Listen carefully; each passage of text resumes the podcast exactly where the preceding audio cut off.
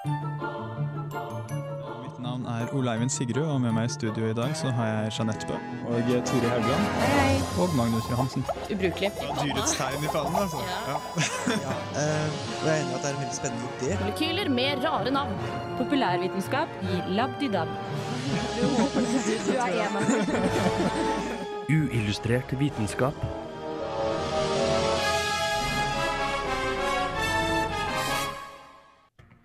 Genmanipulering er en teknologi som har kommet for å bli. Mange ser på denne teknologien som en redning, som kan være med på å løse både matmangel og miljøkrisen. Andre derimot oppfatter det som en stor miljøtrussel, og argumenterer for at vi rett og slett ikke vet nok. Hva er egentlig genmanipulering, og hva vil det bety for oss fremover? Det skal vi se nærmere på i dagens sending.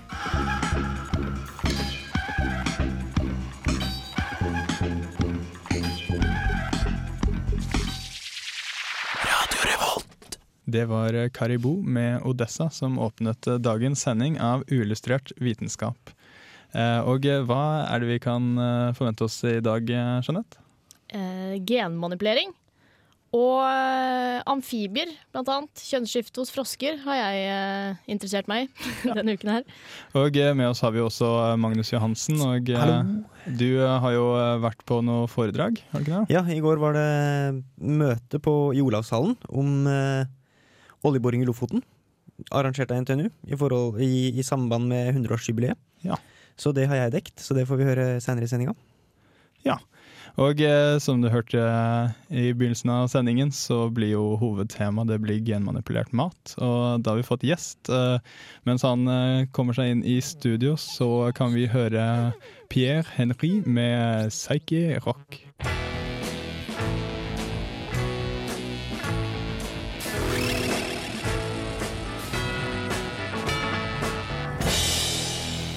Og nå har vi eh, fått eh, besøk av Atle Bones, professor i eh, molekylærbiologi ved NTNU.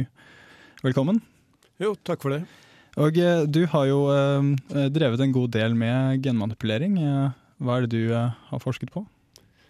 Ja, primært så er vi jo plantegruppe, så vi jobber med plantegenetikk, plantemolekylærbiologi. Og spesielt da vertsforsvar, eller forsvarsmekanismer i planter mot forskjellige stress, abiotiske og biotiske. Så både miljøstress og stress forårsaka av insekter, bakterier osv. Så da kan vi jo egentlig eh, begynne med eh, hva er egentlig genmanipulering? Ja, genmanipulering er når du altså det er sånn som det er definert i dag, så er det eh, bruk av molekylær genetikk for å tilføre, endre eller av eh, Altså ta bort eh, egenskaper i planter. Så at du, bruk, du tilfører et nytt gen, du endrer et gen, eller aktiverer et gen på en eller annen måte. Hvordan gjøres det, sånn eh, rent teknisk? Teknisk så bruker vi det som kalles molekylærgenetikk. Så du tar ut et gen fra en organisme, og så bruker du molekylærgenetiske verktøy for å sette sammen det her eh, på en ny måte igjen, så at det kan fungere i den andre organismen. Som regel så, så kan du si at du kan definere det som to hovedmåter å gjøre det på. Enten så tar du et gen fra en annen organisme, f.eks. fra en fisk, og setter inn i en plante. Mm. Eller så tar du en, et gen fra en, eh, planten sjøl og endrer på hvor mye eller hvor lite det genet er aktivt. Og, og hvis du tar et gen fra en eh, petunia og gjør det mer aktivt i petunia, så, så blir det noe annet enn hvis du flytter et gen fra en fisk til en eh, poppel eller eh, en annen plante. Da. Og så kan vi jo komme inn på det veldig mange lurer på. Er dette egentlig trygt? Ja, så jeg har bestandig sagt at før eller siden så vil det jo skje et eller annet med genmodifiserte planter der, der du får en utilsikta eh, eh, effekt av det du gjør. Eh, risikoen er åpenbart liten. Altså vi har, vi har, min gruppe har også jobba på risikovurdering av det her, og vi har gjort masse forsøk med der vi har prøvd å få gener til å hoppe fra en, eh, plant, en genmodifisert plante til jordbakterier, f.eks. Så dere prøver aktivt og eh, at det skal gå galt? Meget aktivt, og vi gir den eh, alle godsakene servert på et fat. Og så gir eh, DNA isolert fra en genmodifisert plante til bakterien, og likevel så er det umulig å få det til å skje i laben. Og vi, har- helt usannsynlige frekvensscenarioer for hvor ofte en sånn vil skje. Jeg kan føye til at det eneste tilfellet der vi klarer å få det til, det er når, når vi lager, setter inn et gen i bakterien først som er likedan som det genet vi har satt inn i, i planten. Så at vi får noe som heter homologi, altså likhet, helt sekvenslikhet. fordi at sånne DNA-sekvenser som det her snakker om, altså arvestoffsekvenser, de eh, kjenner igjen hverandre for at de har noe som heter komplementære baser. Så de, de, når, de, når, du har like sekvenser, så blir det komplementaritet, og da vil de kjenne igjen hverandre, og de vil binde seg lettere til hverandre, og dermed så vil også sånn overføring skje lettere. Det høres jo veldig betryggende ut. Eh, men hvordan er eh, reguleringen her i Norge på sånn genmanipulert mat? Hvor mye sikkerhet må man Eller hvor mye forskning krever de før man kan på en måte ja, begynne å produsere det? Mm. Ja, jeg vet ikke om vi skal starte med historien, eller om vi skal, vi skal starte med status i dag. fordi at eh, Bioteknologiloven som regulerer det her i Norge, med sine forskrifter, den ble jo nesten pressa på politikerne i, av forskere, spesielt fra Trondheim her. da. Ja. For at vi var tidlig ut med vi var de første som laga genmodifiserte planter i, i Norge. Og, så, og, og da, da var, fantes ingen regulering. Så, så, de første plantene vi laga her, da var det ingen regulering i hele tatt. Vi kunne gjøre hva vi ville, når vi ville og hvor vi ville. Vi kunne sette dem ut på jordet på Dragvoll, eller vi kunne Ja, det var ingen regulering, rett og slett. Så vi, eh, En som heter Arne Sunde, som jobba på sykehus, eller på medisinske fakultetet, og jeg var, vi var ned på Stortinget og pusha på for å få for å få en bioteknologilov. Vi ville ha en bioteknologilov for at vi skulle vite hva vi skulle ha å forholde oss til når det skulle gjøre f.eks. feltforsøk eller sette ut eller behandle genmoserte organismer. Og Det ble da vedtatt en genteknologilov etter hvert, eller bioteknologilov som det heter. Og Den er forholdsvis streng. Den er nok blant de strengeste i verden, hvis ikke den strengeste. At, eh, og det, det, vil si streng i forstand at den regulerer også, Du skal også ha en samfunnsnytte av bruken, i tillegg til at du en risikovurdering og sånne ting, så skal du også ha en samfunnsnyttevurdering. Så at det blir tillatt uten at det er en påvist samfunnsnytte av det produktet du lager. Det er ikke nok å lage en, en eh, potet som, eh, som, har bedre resistens eller motstandskraft mot virus, f.eks. Den skal også ha en samfunnsnytte. altså Du skal ha en eller annen samfunnsnyttig faktor inni bildet som regnskapet blir pluss. Så jeg blir eh, nødt til å vente lenge for å få banan som smaker jordbær? Ja, det tror jeg det kanskje tar en stund før du får, men eh, det burde ikke være noe problem å lage det, for å si det sånn. Det, for nå kan vi gjøre noe som kalles, kalles multistekking, og mange av de egenskapene som eh, regulerer smak og sånne ting, det, flere, det krever flere gener for å få det til å, til å bli den smaken du vil ha. Og da, da, Det er fullt mulig i dag å lage såkalte multistekka genmodifiserte planter. Dvs. Si at du har modifisert fem, seks, sju forskjellige egenskaper på én gang. Vi skal høre mer fra Atle Bones eh, straks, eh, men nå skal vi høre 'She Makes Me Feel All Right'. She likes something out of Max soon. The real swimsuit issue told her I miss you, I'll be back soon. Hold the spot down. We on our shit, niggas.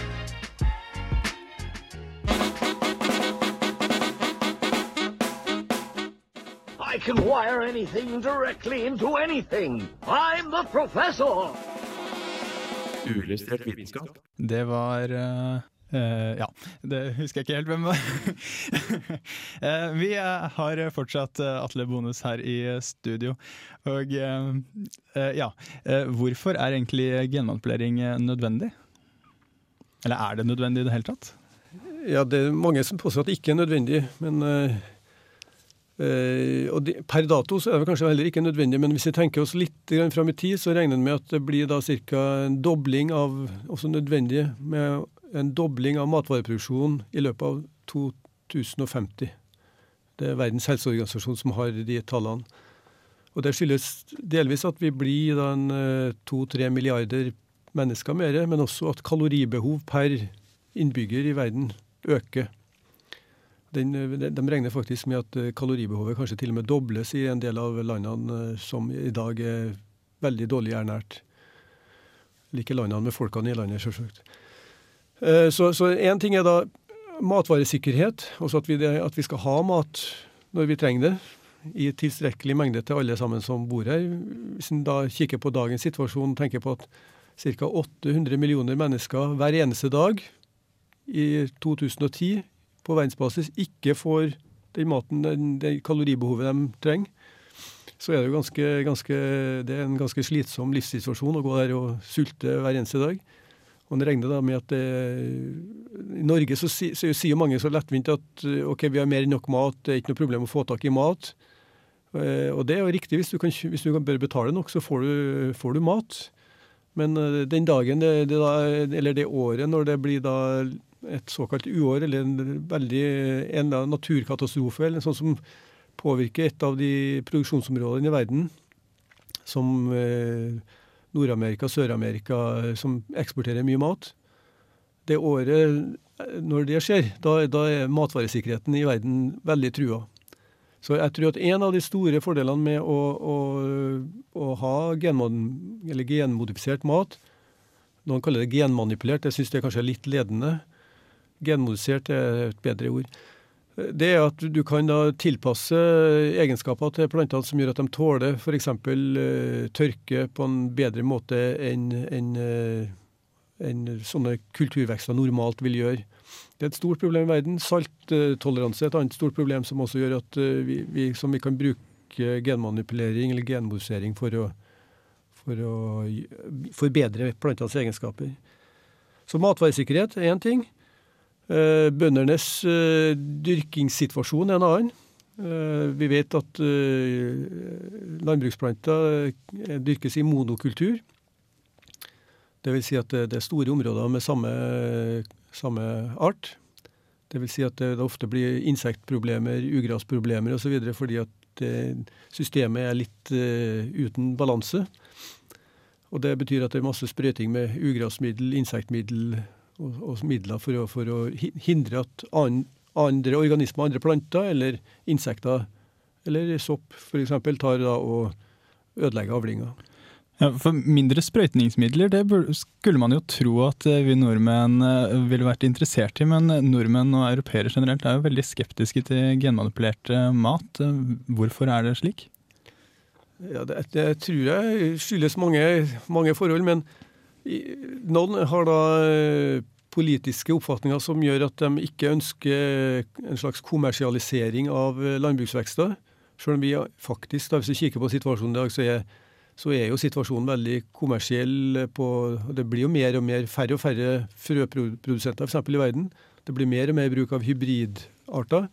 Altså der du må ha nye frø hvert år for å dyrke materialet ditt, dyrke plantene dine. Så, så Eh, den politiske eh, antikommersialiseringa av eh, jordbruket tror jeg nok er én årsak. Andre har religiøse oppfatninger av det her, og mener at vi skal ikke tukle med skaperverket. Det har vi da for så vidt allerede gjort, og jeg tror kanskje folk ikke er helt klar over hvor mye vi har manipulert eller modifisert jordbruksvekstene allerede. Altså Hvis vi kikker på en mais som vilt sånn som den var en gang i tida, og en mais sånn som den er i dag, så er en mais for en liten, bitte liten sak på noen få to-tre centimeter lang, eh, yes. tynn dings. Eh, som tupper på lillefingeren, kanskje. Og så i Dagens mais er jo foredla fram til en helt annen type mais som vi kjenner fra butikken, som er 15-20 cm og en helt annen diameter enn det. Så vi har altså drevet med en slags upresis genmanipulering da, i tusenvis av år? De forrige teknikkene de omfatta jo foredling, selvsagt kryssinger, der du kryssa sammen forskjellige nærbes, nærbeslekta uh, arter og nærbeslekta varianter. Og, og selekterte ut uh, naturlige mutanter, kan du si, da. Uh, til de best egna dyrkings- eller jordbruksplantene. Men i tillegg så har vi jo i mellomtida der og genmodifisering så har vi da brukt mutantforedling, der vi har f.eks. bestrålt med radioaktivitet. Der vi har kjemisk eh, behandla plantene for, for, å få frem mutasjons, økte mutasjonsrater. Så vi har brukt både kjemisk og, og stråling som for å introdusere endringer i, i arvestoffet som, som har, for å få frem de egenskapene som en ønsker. Og det er klart, uten alt det her av foredling, av de typene foredling, så ville vi ikke ha vært 6 milliarder 6,6 milliarder i mennesker på jorda. Da ville ikke bærekraftig jordbruk ville ikke ha vært eh, i nærheten av, av å kunne brødfø en sånn befolkning. Så helt til slutt, eh, hva tror du man kan gjøre for å få oss europeere litt mer på glid? Ja, Spørsmålet er om vi ønsker å være mer på glid. Altså det, det, er, det, er, jo Allerede i dag så er det vel syv europeiske land som bruker genmodifiserte planter, som dyrker genmodifiserte planter. Eh, Sverige kommer neste år, tror jeg, med en genmodifisert potet som de har tenkt å dyrke. Eh, da er vi åtte land i Europa som bruker det, og trenden går nok mot at flere og flere bruker det. Og vi ser jo at til og med arabiske arabiske land, til og med, som Egypt, har jo nå kommet på banen og dyrker da eh, genmodifisert mais. Ja. Men da skal vi si tusen takk til deg, Atle Bones.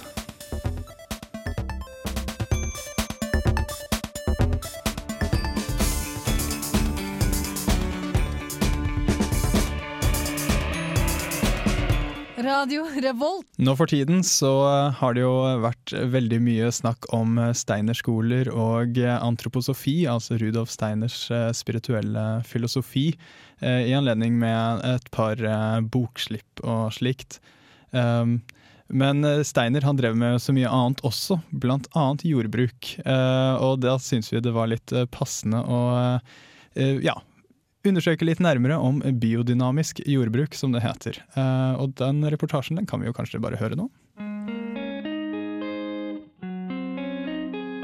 Steinerskoler og antroposofien møter hard kritikk for tiden. Men på Vinmonopolet lever Rudolf Steiners ideer i beste velgående. For i vinverden er biodynamikk en voksende trend. Mange vingårder bytter nå ut tradisjonelle metoder med biodynamiske og det gjelder både små vingårder og større, svært anerkjente produsenter. Men hva er egentlig biodynamisk jordbruk? Biodynamisk jordbruk følger alle krav for økologisk jordbruk, men må i tillegg følge visse andre regler. Disse reglene er basert på en rekke foredrag Rudolf Steiner holdt i 1924 og hans spirituelle filosofi, antroposofien. Steiner mente det åndelige gjennomtrenger alt i verden, og med mindre en godtar dette, gir ikke biodynamikk noe særlig mening.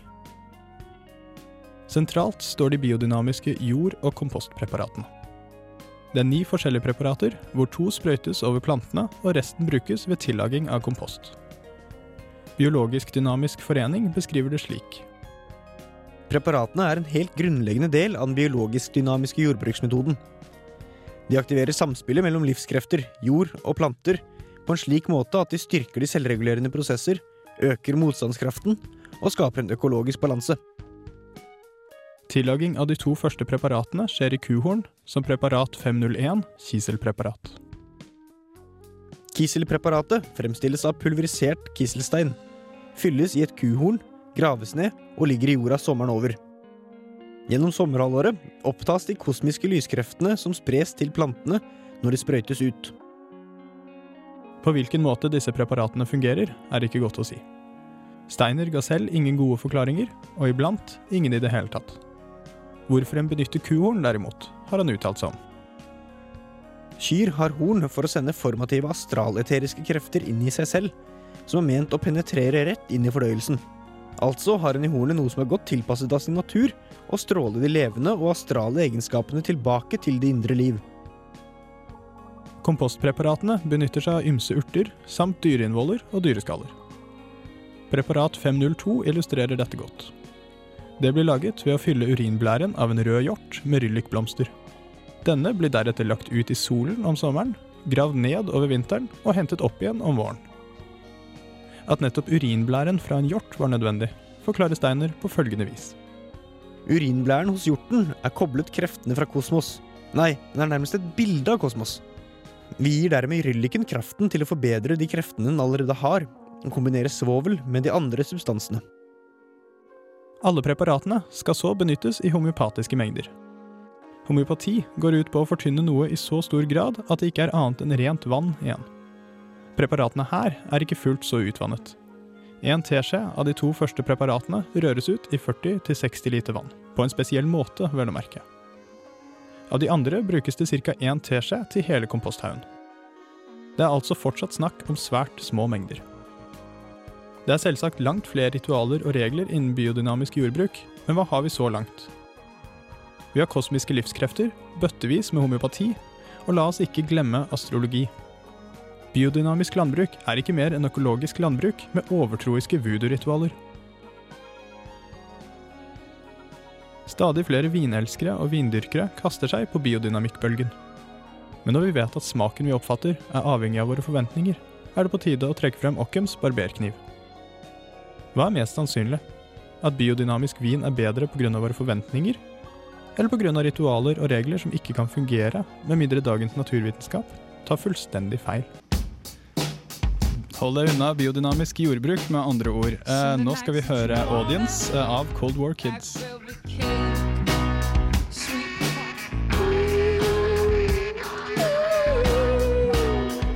Du hører på Radio Revolt, studentradioen i Trondheim. Med et av Norges mest uberørte naturområder og landets viktigste gyteområde for torsk som bakteppe, går nå diskusjonen om vi skal starte oljeboring i Lofoten og Vesterålen. I denne sammenhengen hadde NTNU invitert til møte for å belyse problematikken rundt oljeboringen. Hvis det er noen problematikk, da. Å si at det var enighet blant de tre inviterte foredragsholderne om dette temaet, blir i hvert fall feil å si. Og til min overraskelse var det biologen Egil Sakshaug av de tre som fremsto som den som var mest positiv til oljeboring. Ifølge han var det nemlig ikke noe spesielt med Lofoten som gjør området mer sårbart enn andre områder. Jeg finner ikke området veldig spesielt sånn sett. Men det er klart at noen er redd for at det skal gå hardt utover uh, torskefisket og den slags. Og da er det ikke torsken i seg selv som er så spesiell, men det er den kulturen som oppstått rundt det. Det er det vi tenker på som spesielt. Det er først og fremst to grunner til at torskefiske ikke er spesielt trua, selv om det skulle forekomme oljeutslipp i Lofoten, skal vi tro Sakshaug. Det første er at torsken ikke er avhengig av Lofoten for å kunne gyte. Torsken har gode gytemuligheter helt ned til Mørekysten. For det andre går strømningen i området rundt Lofoten nordover, slik at eventuelle oljeutslipp vil bli frakta ut på havet heller enn inn mot land. Og ute på havet vil oljen etter hvert bli brutt ned av mikroorganismer, og på den måten utgjøre en atskillig mindre trussel mot miljøet. Men det er én faktor som gjør Lofoten annerledes. Oljeboreplattformene vil nemlig bli plassert mye nærmere land enn noen annen oljeboreplattform på norsk sokkel. De nærmeste plattformene vil ha en avstand til land på bare 20-40 km. Dette øker sjansen for at eventuelle utslipp fra plattformene vil nå kystsonen, og dermed gjøre store skader på bl.a. kystfugl og andre dyr som lever her. Naturen er heller ikke like godt tilpassa til å ta hånd om olje på land som den er med olje i havet, så eventuelle utslipp som når kystsonen, vil ha mye større skadevirkninger for dyrelivet i Lofoten enn om oljen bare skulle flyte ut på havet. Men hvordan kan man da klare å minimere risikoen for utslipp om vi ville starte oljeboring? Den største utslippsrisikoen ved oljeutvinning til havs er ikke utslipp fra selve plattformene, men fare for ulykker når oljen fraktes fra plattformene og inn til land. Og det er også her den største utslippsrisikoen i Lofoten ligger. Likevel finnes det også løsninger på dette problemet.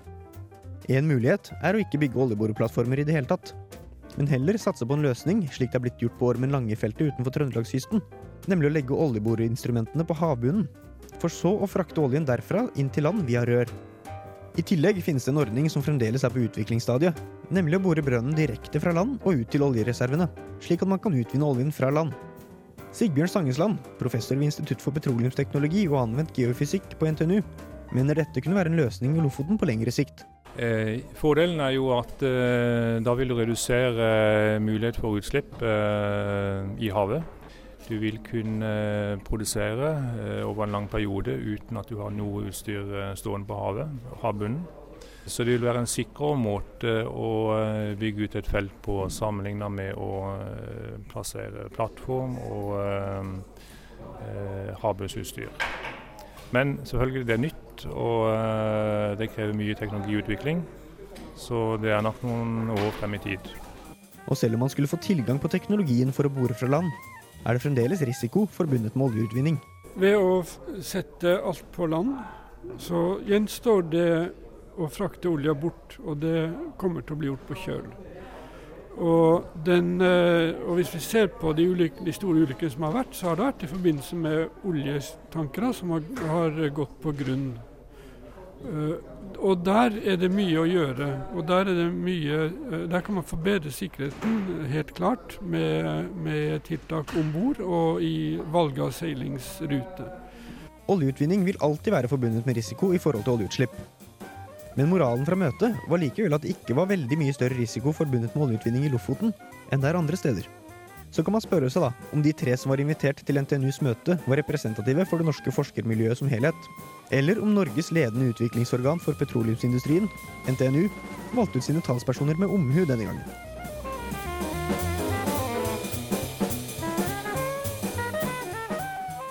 Der hørte vi Magnus Johansen, som har eh, vært på et arrangement i denne Forskningsbyen-satsingen i forbindelse med bl.a. 100-årsjubileet for eh, NTNU. Eh, og jeg, jeg må si jeg ble litt overrasket over at det var biologen som snakket så varmt om oljeboring. Fikk du noe inntrykk av at dette her var representativt for konsensusen blant biologer og andre fagfolk? Nei, på ingen måte, egentlig. Ehm, det var jo arrangert i Olavshallen her. Og gjestene som var og hørte på, var stort sett Jeg tror det var et veldig kvalifisert publikum som satt og hørte på. Og han fikk jo eh, mange kritiske spørsmål fra salen etter innlegget sitt. Så jeg, jeg tror, og, og ut ifra det jeg har lest om han Egil Sakshaug, så er også han eh, en biolog som går litt imot det eh, som er konsensus i biologmiljøet. Da. Blant annet uh, har han ikke noe tiltro til uh, global, global oppvarming, uten at det skal være et negativt tegn på en person.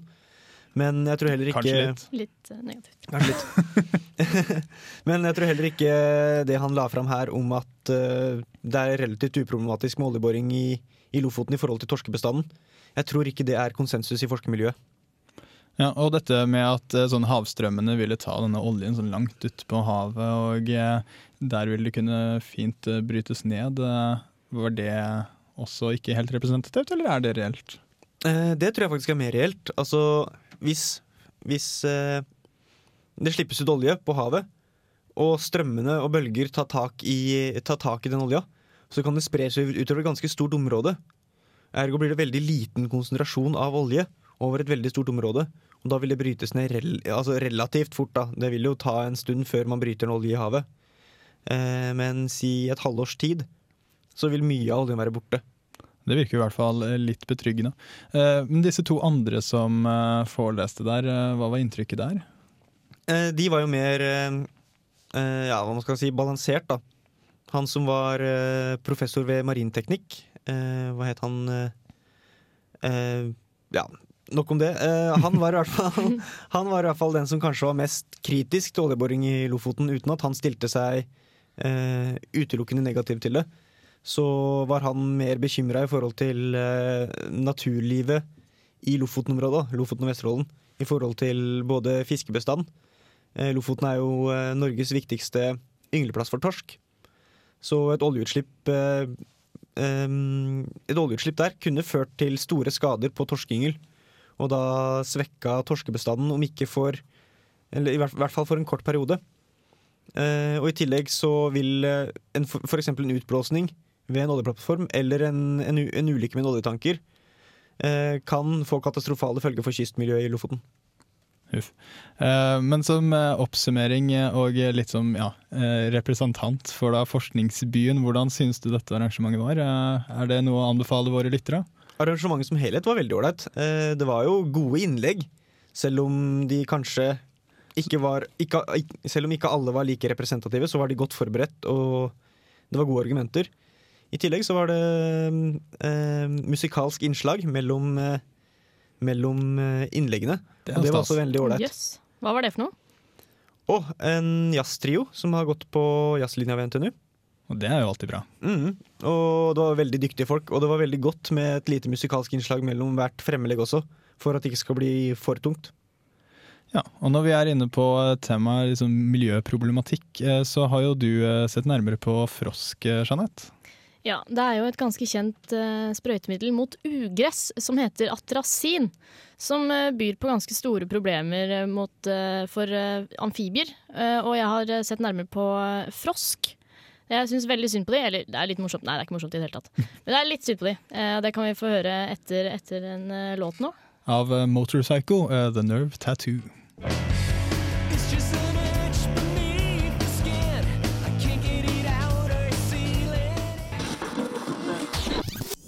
Radio Revolt. Dødsannonsen. Dødsannonsen.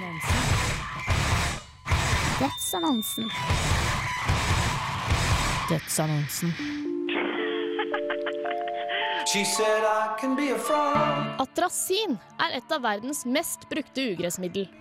Men det kan også gjøre skade på andre ting enn kun ugress, da den har en innvirkning på noen amfibier, som f.eks. frosker. Ikke bare kan atrasin endre hormonnivået hos frosker under utvikling, men det kan også forstyrre deres fysiske utvikling og føre til et overtall av hunnfrosker, forteller nyere forskning. Ifølge denne forskningen, gjort av biologer ved Berkeley ved Universitetet i California, skal atrasin kastrere tre fjerdedeler av voksne hannfrosker, og i tillegg gjøre en tidel av dem til hunnfrosker.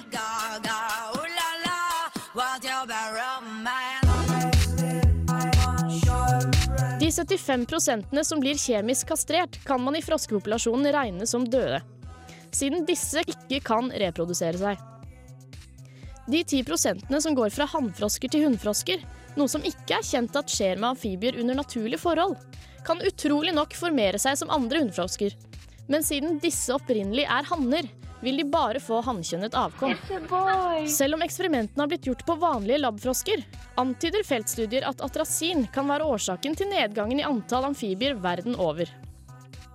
Professor Tyrone Hayes ved Berkeley fant i 2002 ut at rumpetroll som vokser opp i atrasinforgiftet vann, blir hermafroditter.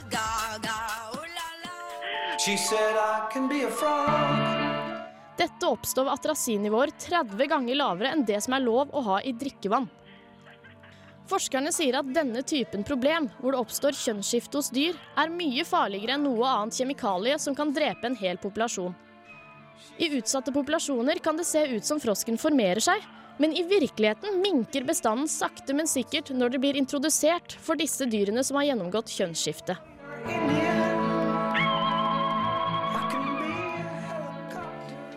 Det var altså semesterets første dødsannonse, en spalte vi har eh, brakt til, til live igjen. Um, og jeg må jo si Det er veldig fascinerende at de froskene kan bytte kjønn av sånne sprøytemidler. Uh, samtidig som det er jo ganske kjipt da med kastrering sånn generelt. Ja, kjemisk kastrering. Uh, men uh, hva er det egentlig som blir gjort for å motvirke denne problemet? Ja, det, det går jo ikke upåaktet hen, heldigvis. fordi det er, hva heter de? Environmental Protection Agency vurderer å regulere bruken av denne atrasin enda mer enn det allerede er. Og så er det flere stater i USA eh, som vurderer å forby det fullstendig pga. trusselen mot eh, amfibiene. Da. Og i EU eh, så er det allerede strenge grenser da, for hvor mye du kan bruke. Men allikevel så er det, er det det mest brukte. Men er de grensene strenge nok, eller kan de også føre til kastrering og kjønnsskifte? Nei, de har, de har, jo faktisk uh, funnet ut at uh, det er en mulig link mellom fosterskader hos mennesker uh, og når, det, når, de er utsatt for altrasin i, i morens liv. Mm. så det er jo mye derfor da, at det blir satt i gang strenge, strenge regler for det. Jeg, jeg, tror ikke at folk er så bekymret for amfibier, egentlig, men når de ser at det her kan jo gå utover meg, da, da kommer reglene. Ja. Vår egen egoisme redder eh, froskene, da, med andre ord. Ja, det er sant. Vi eh, begynner å gå litt eh, tom for tid i denne sendingen. Men vi kommer jo til å være her hver uke fremover. og så har vi jo en podkast som jeg gjerne vil anbefale dere å laste ned og høre på. Og rate. Ja. den ligger jo da på iTunes. Og eh, dere kan gå inn på radiorevolt.no eh, slash podkast. Eh, det er også en veldig fin eh, podkast å anbefale til venner og kjente som f.eks. ikke er her i Trondheim. Ja, for Vi vil ikke begrense vår fantastiske radio til bare Trondheimssporet. Nei. Vi vil eh, ta over verden, rett og slett. Selvfølgelig. og hvis du er en av de som, som sitter og boikotter iTunes, jeg har møtt mange av dere, så er det jo den fantastiske RSS-linken, da. Ja på Radio Volt sine nettsider. Ja. Vi har jo også uh, mye reprisetider her på uh, Radio Revolt. Det kan dere uh, sjekke nærmere på nettsidene våre, radiorevolt.no. Vi kan vel avsløre så mye at vi kanskje blir spilt på mandager? Ja. Og det er på FM, det òg. Ja. Det er stas. Klokken ti. Hør på det hvis du er tidlig oppe om morgenen. Ja. Men eh, da kan vi jo eh, kanskje bare begynne å si ha det. Eh, mitt navn er Oleivind Sigrud. Med meg i dag så har jeg hatt uh, Jeanette Bø Farvel, farvel. og eh, Magnus Johansen. Ha det bra! Vår eminente tekniker har vært uh, i Haugland. Hun Ja. smiler pent. Hun smiler pent. Ses neste uke. Høres neste uke.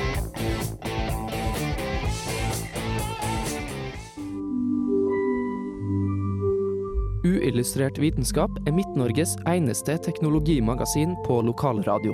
Og vi snakker om alt fra populærvitenskap til sære forskningsprosjekt ved NTNU. Radio Revolt, studentradioen i Trondheim, er stolt av å kunne presentere podkaster fra de aller mest populære programmene våre.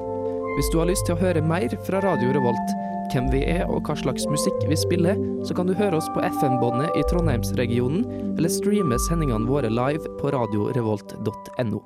Thank you.